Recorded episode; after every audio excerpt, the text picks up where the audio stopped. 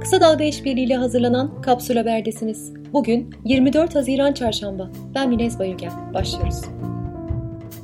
İnsan Hakları Derneği Diyarbakır Şubesi'nin hazırladığı rapora göre son 10 yılda işkence gördüğü iddiasıyla derneğe başvuruda bulunanların sayısı 690. İşkence gördüğü iddiasıyla başvuranların 97'si kadın, 592'si erkek.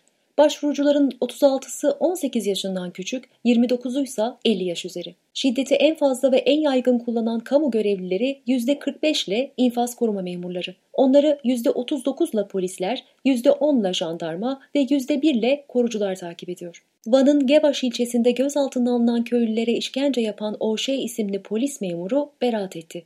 Kararın ardından temiz incelemesi yapan istifnaf mahkemesi polise 3 bin lira adli para cezası verdi. Cezada da hükmün açıklanmasının geri bırakılması uygulandı. Savunma yürüyor eylemi yapan baro başkanları İçişleri Bakanı Süleyman Soylu ile yürütülen müzakere sonucunda Anıtkabir'e ulaştı. Mücadelenin süreceği mesajı veren baro başkanları çeşitli kentlerden Ankara'ya yürümüş ancak polisin sert müdahalesiyle karşılaşmıştı. Baro başkanlarının Ankara'da oturma eylemi yaptığı sırada İstanbul Çağlayan Adliyesi'nde de yüzü aşkın avukatın protestosu vardı. Adliye içinde slogan atan avukatlar savunma susmadı, susmayacak diye haykırdı. Baro başkanlarının polis tarafından darp edildiği sırada Anıtkabir'e giden Türkiye Barolar Birliği Başkanı Metin Feyzioğlu bugün baro başkanlarının yanına geldi. Baro başkanları sırtlarına dönerek Feyzioğlu'nu protesto etti. Başkanlardan bazıları Feyzioğlu'na gölge etme başka bir şey istemiyoruz başkan diye seslendi. İstifayı düşünüp düşünmediği sorulan Feyzioğlu, istifa etmemi gerektiren herhangi bir durum yok. Benle ilgili değil, ben kanun koyucu değilim dedi. İstanbul'da etkili olan sağanak yağış sele neden oldu. Esenyurt'ta bir kişi hayatını kaybetti, kent genelinde 8 kişi yaralandı.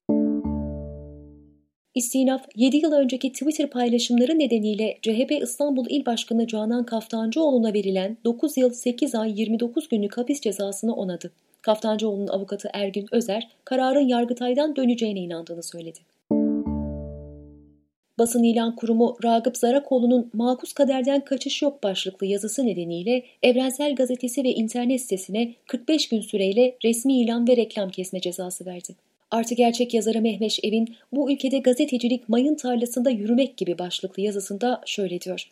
Gazetecilere amansız fakatsız sahip çıkın. Onlara yapılan aslında sizin haber alma hakkınızın gasp edilmesinden başka bir şey değil son dönemde kurdukları aile saltanatıyla gündeme gelen Wushu Federasyonu'ndan haklarında çıkan haberlerle ilgili açıklama geldi. Amaçları meşru seçilmiş iktidarları gayrimeşru yöntemlerle, darbelerle devirip kendi menfaat imparatorluklarını dünya siyonizmi ile işbirliği yaparak kurmaktır. ABD'nin eski ulusal güvenlik danışmanı Can Baltı'nın Olayın Olduğu Oda adlı kitabı bugün yayınlandı. BBC Türkçe kitabın Cumhurbaşkanı Tayyip Erdoğan ve Türkiye ile ilgili bölümlerinden bazı kesitleri haberleştirdi. Buna göre Baltın genel olarak Erdoğan için olumsuz sıfatlar kullanıyor, radikal İslamcı olarak tanımlıyor ve şunları yazıyor. Kendisini dinlerken ki her zaman arada tercüman olur, Roma'daki balkonundan konuşan Mussolini'yi dinliyormuşum gibi hissediyordum. Tek farkı telefonda aynı ton ve ses düzeyi ile konuşan kişi Mussolini değil Erdoğan'dı.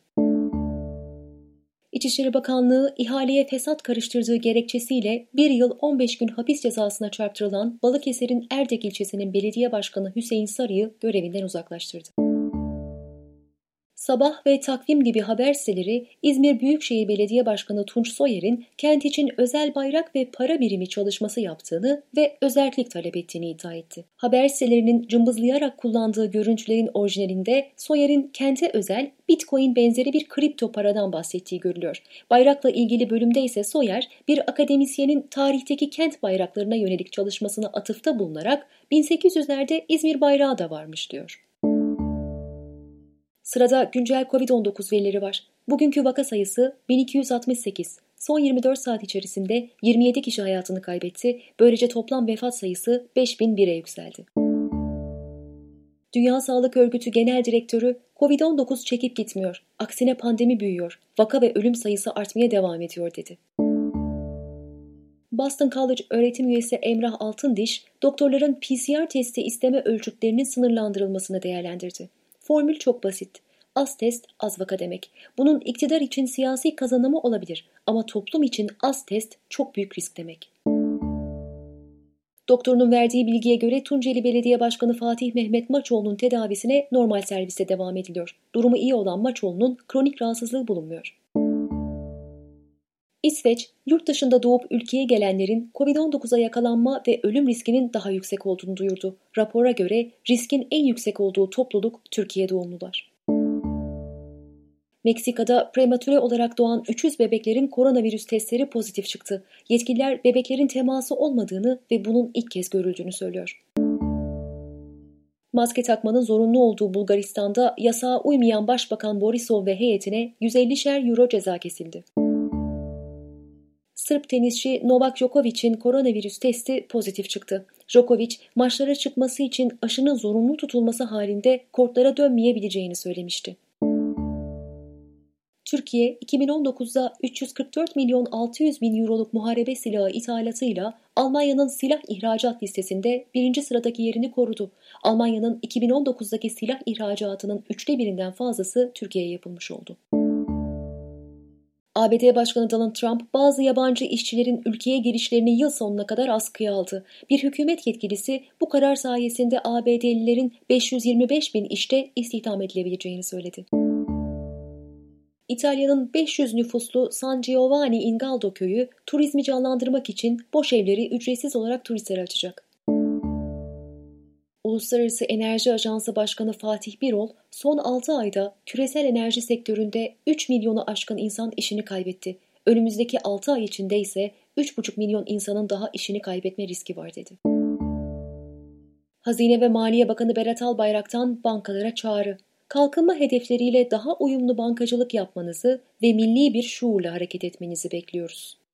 Günün sözüyle kapatıyoruz. Sinop'ta Maraş dondurmacısına şaka yaptığı 5 yaşındaki Can Yılmaz.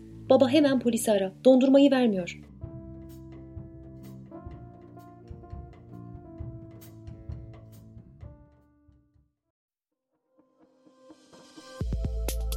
Bizi Kısa Dalga Net ve podcast platformlarından dinleyebilirsiniz.